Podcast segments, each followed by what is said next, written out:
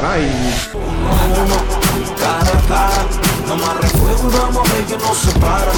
Cara a cara, frente a frente otra vez. Saludos, ¿qué tal? La protagonista de este cara a cara es una mujer periodista, directora, guionista, productora ejecutiva y directora de contenidos de Agallas eh, Films. Sobre todo y en primer lugar, bienvenida Paula Cons. Muchísimas gracias, un placer. Y gracias a ti por dedicarnos eh, tu tiempo para charlar aquí un ratito en, en Pontevedra Viva. Eh, Paula ha terminado, se puede decir que acaba de, de, terminar el rodaje de su primer largometraje de ficción, Santa uh -huh. Isabel, que se adentra en la mayor tragedia marítima, entre comillas, por víctimas mortales que hubo, que hubo en Galicia. Antes quisiera que conozcáis eh, mejor a esta mujer mmm, que yo tenía mmm, puesta como coruñesa, pero mmm, off the record me decía que las vinculaciones con Pontevedra vienen del árbol familiar y, y por situación actual, vamos, de adopción casi sí o sí. Sí, sí, sí, sí, sí. Yo estoy súper, súper unida a Pontevedra. Todos mis, eh, tanto por eh, parte materna eh, Los Varela como paterna Cons y ahora ya mi pareja aquí, o sea que, bueno, es una ciudad que siempre adoré, o sea que ahora estoy unidísima a ella. eh, Paula, hasta la fecha tu trayectoria profesional ha pasado por eh, televisión, programas de, ámbito nacional, en cuanto al cine, sobre todo con los documentales. Oro Negro, La batalla desconocida, que os recuerdo fue premio Mestre Mateo el año pasado, y este 2019 eh, te tuvo 12 candidaturas a los, a los Goya. Pero son, eso también a veces eh, se crea esa confusión, digamos que tú presentas para Ajá. que se te pueda nominar, pero después, bueno, pues no, no va más allá y no llegas a la, a la terna final, digamos, uh -huh. ¿no? Pero bueno, me ha dado muchísimas alegrías de todos modos ese documental porque Inicialmente era un documental televisivo, Ajá. era para televisión española, pero bueno, pues lo hicimos como con un cierto toque cinematográfico, sí. diciendo, bueno, si nos podemos colar en algún uh -huh. festival y de repente pues nos estrenamos en la Seminci, que fue como Ajá. la leche, ¿no? Sí, que, o sea se puede decir que aquí en España es, es lo, lo, más grande, ¿no? Que tenemos. Sí, sí, fue como. Bueno, de hecho, aguantamos muchísimos meses esperando por la Seminci, por uh -huh. si sonaba la flauta, y, y, muy bien, y también ganamos un festival en León. O sea que, bueno, la verdad es que eh, relación calidad-precio nos salió excelente. Vamos. Y si mal no recuerdo, lo pasaron por televisión el pasado mes de marzo. Sí, ya era la segunda vez, además, uh -huh. que lo pasaban. Sí, sí, sí. ¿Y cómo llega el Wolframio a, a la vida de Paula Cons? Pues llega porque, como soy periodista, eh, siempre me gustó mucho, hice en Madrid hice periodismo de investigación, entonces siempre me encantan los temas ocultados, ya no solo ocultos, ocultados. Y esto del Wolfram, yo decía, uy, aquí esto no interesa a mucha gente que se sepa, eh, que haya fortunas que vengan del dinero nazi, eso le tiene que picar a muchos. Y entonces, bueno, pues eh, ya habíamos hecho una película, en mm. esa película fui guionista y productora ejecutiva, que fue Lobos Sucios, Ajá. y al final las películas se lo comen todo. Entonces sí. yo veía que había quedado todo sin contar. Uh -huh. Y me parecía que aunque ha habido muchos documentales sobre el wolframio y excelentes, sí que faltaba uno como que abriera desde el punto de vista macropolítico y como esta cosa de tres pasos, no cinco para mi gusto, sino tres que separaban a Churchill de un minero gallego. Uh -huh. Y demostrar, abrir, abrir, abrir, abrir, hasta dónde hasta llegaba, ¿no? Uh -huh. Y que se habló de Galicia en todos los despachos a los más altos niveles en la Segunda Guerra Mundial, ¿no? Eh, hay otros eh, proyectos entre estos que acabas de mencionar y el que decía al comienzo, el, Santa Isabel, de los que hablaremos, pero mm, quería preguntarte eh, cómo pasas del documental al, al largometraje de ficción. Si ha sido un tránsito natural de circunstancias que han ido presentándose y tú dices, mm, me dejo llevar ¿O, ¿O, fuiste tú la que dijiste al asalto? No, no, no, no, lo primero totalmente, totalmente. O sea, a mí siempre me encantó escribir y para mí, pues un poco, ser guionista sí que era como el final natural de mío, porque mm. sí, porque todo me llevaba ahí, escribo desde siempre, ya cuando ejercía el periodismo gané un concurso de guion, eso sí que como que me salía mucho de dentro, lo otro ni de broma, vamos. Lo que pasa es que, pues eh, mira, te voy a decir, el principal responsable ya de que empezara con esta película y escribiera el guion fue Miguel Barros, un guionista Ajá. importantísimo que está afincado por esta zona, que yo intenté que escribiera él el guion y él me decía, tú tienes la historia dentro. Y el muy liante ya me dijo, bueno, tú escríbela primero y ya yo le doy una vuelta. Y claro, ya no fui capaz de soltar Ajá. el bebé.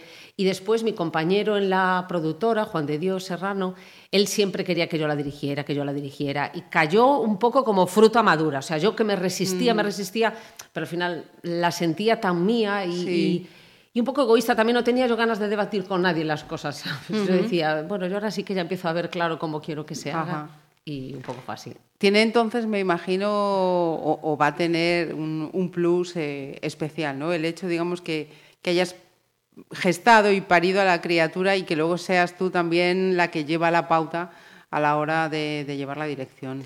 Mira, en el, en el rodaje teníamos una broma todo el tiempo y, y son muy respetuosos en los rodajes con la figura del director o directora. Y entonces eh, estaba clara la filosofía. Si la película es un acierto, es mi acierto. Ahora, si es una cagada, es mi cagada. O sea, eso está clarísimo. Para lo bueno y para lo malo. Exactamente. otro.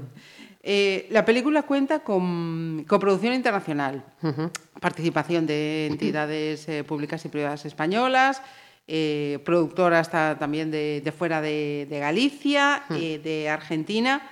¿Es el proyecto que mm, económicamente más am- ambicioso con el que has trabajado? ¿O más afortunado? Más que Sí. ambicioso, afortunado. Bueno, Lobos Socios era ambiciosa, pero bueno, aquí como que todo cuadró mucho mejor. Sí, sí, sí. Es como que muchas cosas que en Lobos se fueron ensayando aquí han cuadrado y desde, por ejemplo, incluso la distribución de la película es Filmax. Es decir, tú ya sabes... eh, O ya hago un desastre, o la película va a llegar Seguro a los vamos. cines y de manera pues muy decente, se va a ver internacionalmente. Y yo creo que fue todo bastante sencillo porque la película yo creo que se vende bien. Es verdad que ahora pues es como que todas las miradas están puestas encima de las historias de mujeres, entonces no es complicado. Y, y después era una coproducción internacional pero natural, porque este barco iba a Argentina, entonces era natural, iba cargado de gente vasca, por lo tanto también con el País Vasco. Ajá. Y después sí que estamos cerrando con Portugal, que no es tan natural, pero Portugal está abiertísimo. Claro, el Y barco es- viajaba hasta Cádiz, con lo cual ¿no? Sí, también por- haría... Pero, pero vamos, que con Portugal digamos que no hay nada más allá de todo lo que tenemos en común con, con- con Portugal y que están deseosos de coproducir con Ajá. nosotros y son súper generosos, la verdad. Porque, no sé. Eh, es también casi natural ¿no? que, que- que estén ahí. Sí. Eh, recordamos, eh, la película nos recuerda esa tragedia en 1921, cuando frente a la isla de Sálvora, ese barco, Santa Isabel, que como nos decía Paula ahora, pues desde Bilbao a Cádiz llevaba a esas personas que iban buscando la inmigración hacia, hacia Argentina, viajaban, eh, creo, 268 personas. eh, los vecinos de la isla lograban salvar 56. Depende de dónde Sí, encontrabas, veías unas. Buf. Sí. Em, ¿Puedes contar cuál es eh, la, la- la ficción y la realidad con la Ya. que te has quedado? Mucha ficción. Eso es lo que yo intento también dejar claro, porque además tampoco me parece justo que después se me echen encima cuando es una historia absolutamente desconocida. Entonces, bueno, de la realidad ya es apasionante, es decir, Sí, eh, sin duda. una isla vacía de hombres jóvenes porque están celebrando el fin de año en tierra, entonces la única esperanza de esos pobres náufragos son viejos, mujeres y niños. Entonces, tres mujeres de la isla, parece ser que también tres hombres mayores de la isla se lanzaron a la, a la zona. También hay diferentes versiones sobre cuántos viajes hicieron, pero el caso es que se lanzaron, que es que, Dios mío, dices, o sea, jarreaba gusto, niebla, y vas tú y te metes a- a- ahí, al mar. Al mar, sí, sin ser ellas las que estaban haciendo eso día a día, ni ellos. Exactamente. Y, y después hubo tremendos homenajes, para mí disparatadísimos, y de repente empieza a cernirse la sombra de que si hubo robo a los muertos, que qué pasó, y nunca más se supo, y es obvio que nunca más se supo porque es una historia súper desconocida. Eso ya es apasionante. Y hay muchas contradicciones y empiezas a cotejar los documentos de de repente aquí cuenta una cosa, aquí cuenta otra, porque hay una cuarta en discordia una cuarta heroína y tal. ¿Qué pasa? Que yo después lo llevo mucho más al límite, pues eh, digamos que eh, jugando con todo este tema de los raqueiros en Galicia, que eran los hombres Ajá. que hundían adrede los barcos. Anda. robar a los muertos y después que además la isla de Salvo era, era súper peculiar porque era una isla feudal totalmente, en manos de un señor, de un marqués que la usaba para ir a cazar y que eran colonos, que le tenían que dar parte de, de lo que recogían, etcétera, y que había como un servilismo tremendo. Entonces, bueno, mezclando todo esto... De hecho, mucha gente se espera que sea un drama histórico y es un thriller. Sí, sí, sí, sí. He visto que se presenta efectivamente como un thriller que me Sí. llamó la atención. Sí, sí, sí, sí. También mucha gente dice, bueno, entonces el naufragio, cuando leen el guion, ¿no? Gente del equipo, hostia, el naufragio es al principio y se acabó. Digo, claro, claro, es que ya ha contado otro, mejor que nadie, todo lo que es el pre antes de un naufragio y un naufragio. Entonces, esto es todo lo que pasa después de un naufragio. O sea, todo lo que se puede llegar a llevar por delante ese barco y toda la mierda que puede llegar a remover, ¿no? Sí, sí. Eh, Nerea Barros, eh, Grandinetti, Aitor Luna, eh, en esa parte también dijiste quiero esto, esto y esto. ¿Cómo fue? Bueno, con Darío Grandinetti, ¿quién no lo va a querer? O sea, yo Darío decía, bueno, o sea, mm, la lotería es poco. Entonces le mandamos el guion y yo decía, Paula, no te ilusiones, no te ilusiones, o sea, no. Pero bueno, pues su representante leyó el guion, le dijo, che, boludo, léete esto. Y entonces lo leyó, hizo un hueco donde no lo había y digamos que para rematar la jugada yo me fui a Madrid y nos conocimos. Y nos encantamos. Y entonces, bueno, pues... Yo el sí. Dio el sí y además es que de qué manera, porque Darío fue vital en el rodaje. Vale que el ecosistema del rodaje funcionó de maravilla, pero es que mantuvo tanto el buen rollo, la alegría, estaba tan por la labor. Acabábamos una toma y siempre me decía, ¿es como la soñaste? Y yo, Qué sí, bueno. sí, sí, sí, sí, sí, sí. Y después, claro, tú tienes a semejante monstruo sagrado delante y dices, bueno, yo ahora cómo le doy directrices. Y era súper permeable a lo que tú le decías. Incluso a veces tenía el señorío de decir, ah, no se me había ocurrido verlo por ahí. Vale, venga, voy a probarlo. O sea que, bueno, Qué no, bueno. Mm. Un, señorazo, vamos. ¿Y, y cómo han sido estas eh, semanas de, de rodaje? Intensísimas. Pero maravillosas. Para mí, Ajá. quiero decir, es que o sea, rodar tu primera película con tu historia, tener a ese equipazo de gente de primerísima división, expectantes para lo que tú pides, lo que tú haces, todos remando y sintiendo que quieren contar esa historia. En am- Es que, claro, es como un estado de- totalmente casi alejado de la realidad que estás como en un sueño. Yo Ajá. iba por el aire. O sea, vamos. Yo en mi vida voy a estar igual. Estaba felicísima. Sí, sí. Y con unos escenarios además brutales. Brutales. Bueno, eh, bueno, yo lo de rodar en Sálvora, ya el último día que rodamos en Sálvora ya se me alejaban todos porque ya sabían que yo estaba toda moñas. Y decían, no, bueno, ¿cómo está hoy la Paula? Porque claro, o sea, yo me veía ahí en ese sitio, que lo he visitado tanto, que lo he recorrido, que lo he pensado, y verme allí rodando la película. Y después también, a veces siempre crees que tú ves las cosas de una manera y es bonito cuando ves que el resto reacciona igual. Y entonces, claro, cuando el director de fotografía me decía, es que da igual donde ponga la cámara, es que se me Es cae la cámara. todo. Y después me encanta, porque ahora enseñas imágenes a otras personas y se fijan lo que deben fijarse. Por ejemplo, pues dicen, hostia, esas piedras, que Sí. claro, es a mí lo que más me cautivó. Ajá. Y sí, llama la atención. Sí. A mí me pasó una anécdota buenísima con el productor vasco que lo llevé a la isla y él iba como así. Y entonces la empiezo a ver y le digo, bueno, ¿te gusta mi isla? Y me dice, pues mira, mogollón. Y yo decía, esta Paula, que es una entusiasta, seguro que es un peñasco de mierda. Y claro, de repente se encontró con ese pedazo lugar maravilloso y claro, todo el mundo se enamoró. Hasta tuvimos un montón de anécdotas porque había garrapatas a más no poder y hasta las llevamos con humor. O sea, entre las garrapatas, el barco de ida, el barco de vuelta, eh, lo del no baño. Pero da igual, yo creo que hay cosas que pueden o ser un problema o tomártelo como un gran campamento. Sí, sí, sí. Y anécdotas, como decías tú, ¿no? Claro. De problemas, anécdotas Exacto. de toda, esa, de toda esa Exacto. situación. La actitud, la actitud. Exacto. Em, decía que entre esto, el Santa Isabel y trabajos eh, como los documentales alrededor del wolframio, ha habido otros eh, proyectos. Te pregunto, por ejemplo, por otro documental que desconocía totalmente, que habías entrado en ese terreno. El caso de Diana Kerr, 500 Ah, sí. días. Ujú, ujú. ¿Qué, qué recopilas en ese trabajo? Pues Porque mira- No sería fácil tampoco. No, no, no. Aparte, ¿sabes lo que pasa? Que yo personalmente tengo un problema y es que odio los sucesos. No me gustan nada los sucesos. De hecho, yo me fui de Madrid porque empezaron a hacer sucesos en el programa en el que estaba y yo soy incapaz y soy cero de morbosa. Entonces, claro, cuando me llaman de la gallega para hacerme el encargo, yo decía, Dios mío, pero ¿saben a quién le están diciendo esto? Entonces yo puse una serie de condiciones y ellos lo veían igual. Es decir, yo dije, vale, yo solo voy a hablar de hechos absolutamente totalmente probados y yo quiero que digamos que, que se aprenda algo con esto, cero morbo. Y me dejaron. Entonces, ¿qué hablamos? De la investigación, que es apasionante. Y de cómo se fueron dando los pasos eh, en ir, digamos, eh, cercando a esta persona los errores que se cometieron, que también se cuentan. Y después lo que fue novedoso y que a mí me acabo de llamar es que me dejaron ficcionar. Entonces había Ajá. tanto material, tanto material, que yo ficcioné diálogos sin ningún problema. Hablé con los propios responsables y les decía, mira, yo voy a hacer esta situación, esta secuencia. Ah, sí, sí, pues fue así, ¿eh? Fue así, fue así. Ponle este adjetivo allá, esta tal. Entonces, bueno, pues eso también para mí, que estaba tan cercana a rodar esta película, poder hacer ficción, poder, pues ya me, me gustó mucho y bueno, yo me quedé satisfecha. Y he buscado más detalles, pero no he sido capaz de, de encontrar. Así que, por favor, háblame de ese Sí. proyecto relacionado con un director de cine y un equipo de baloncesto en silla de ruedas. Ah, sí, sí, es precioso. Sí, eso se llama 05 y entonces es un documental de un director de cine de Vigo que se llama Gonzalo... 05 tal A- cual A- en- A05, es la A05. distancia a la que están las personas que están sentadas en silla de ruedas. A 0,5 Ah. metros del suelo. Ajá. Sí, Vale, vale. sí, sí, sí, sí. Y entonces eso es de un director de cine vigués que está en silla de ruedas, entonces un poco cuenta su experiencia. O sea, en realidad lo que dice es, es la historia o el documental sobre un director que busca su primera película. Eso es así.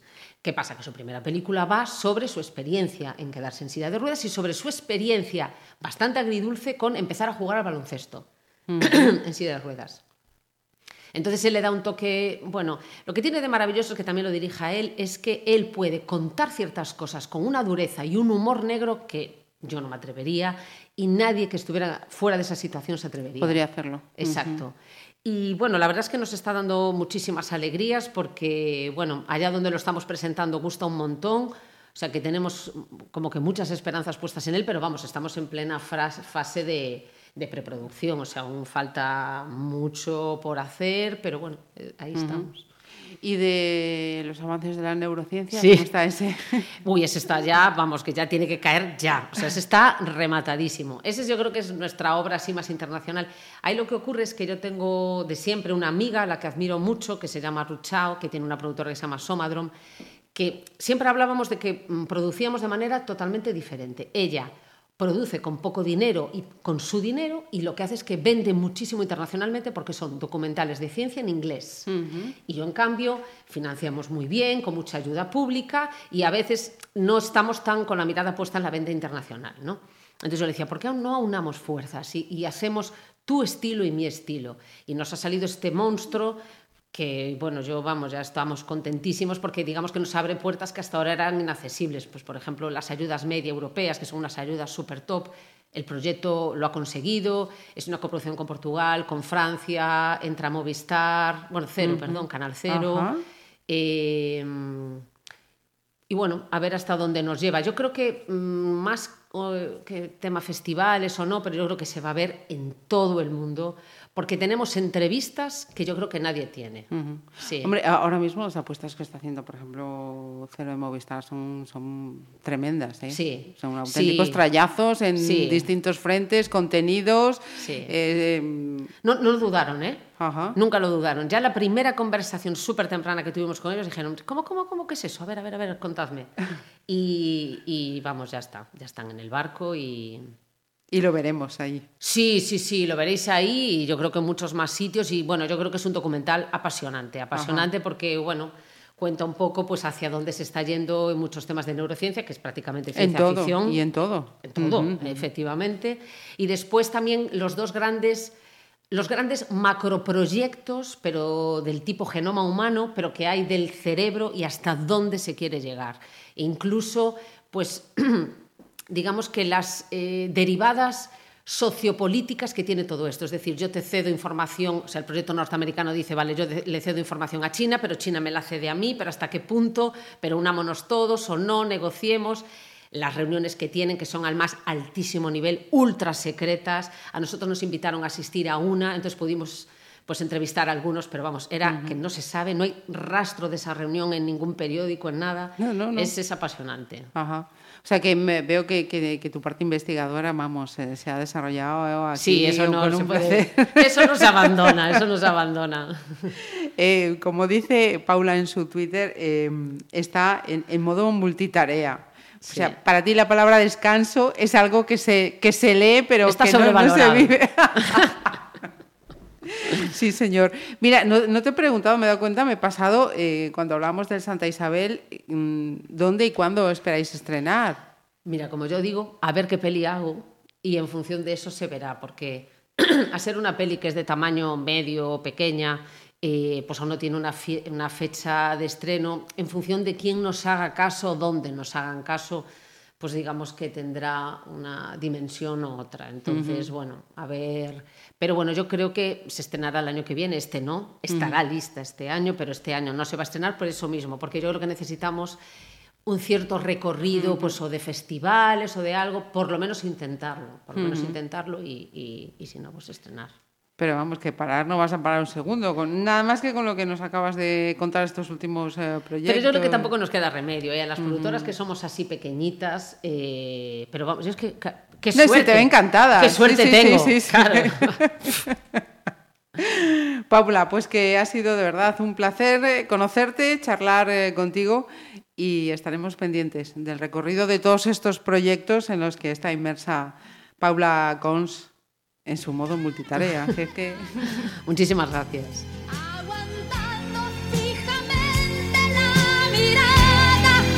sin miedo, sin maldad. Esta noche tenemos cara a cara. Cara a cara, nos volvemos a ver. Cara a cara. Pontevedra Viva Radio. Oh.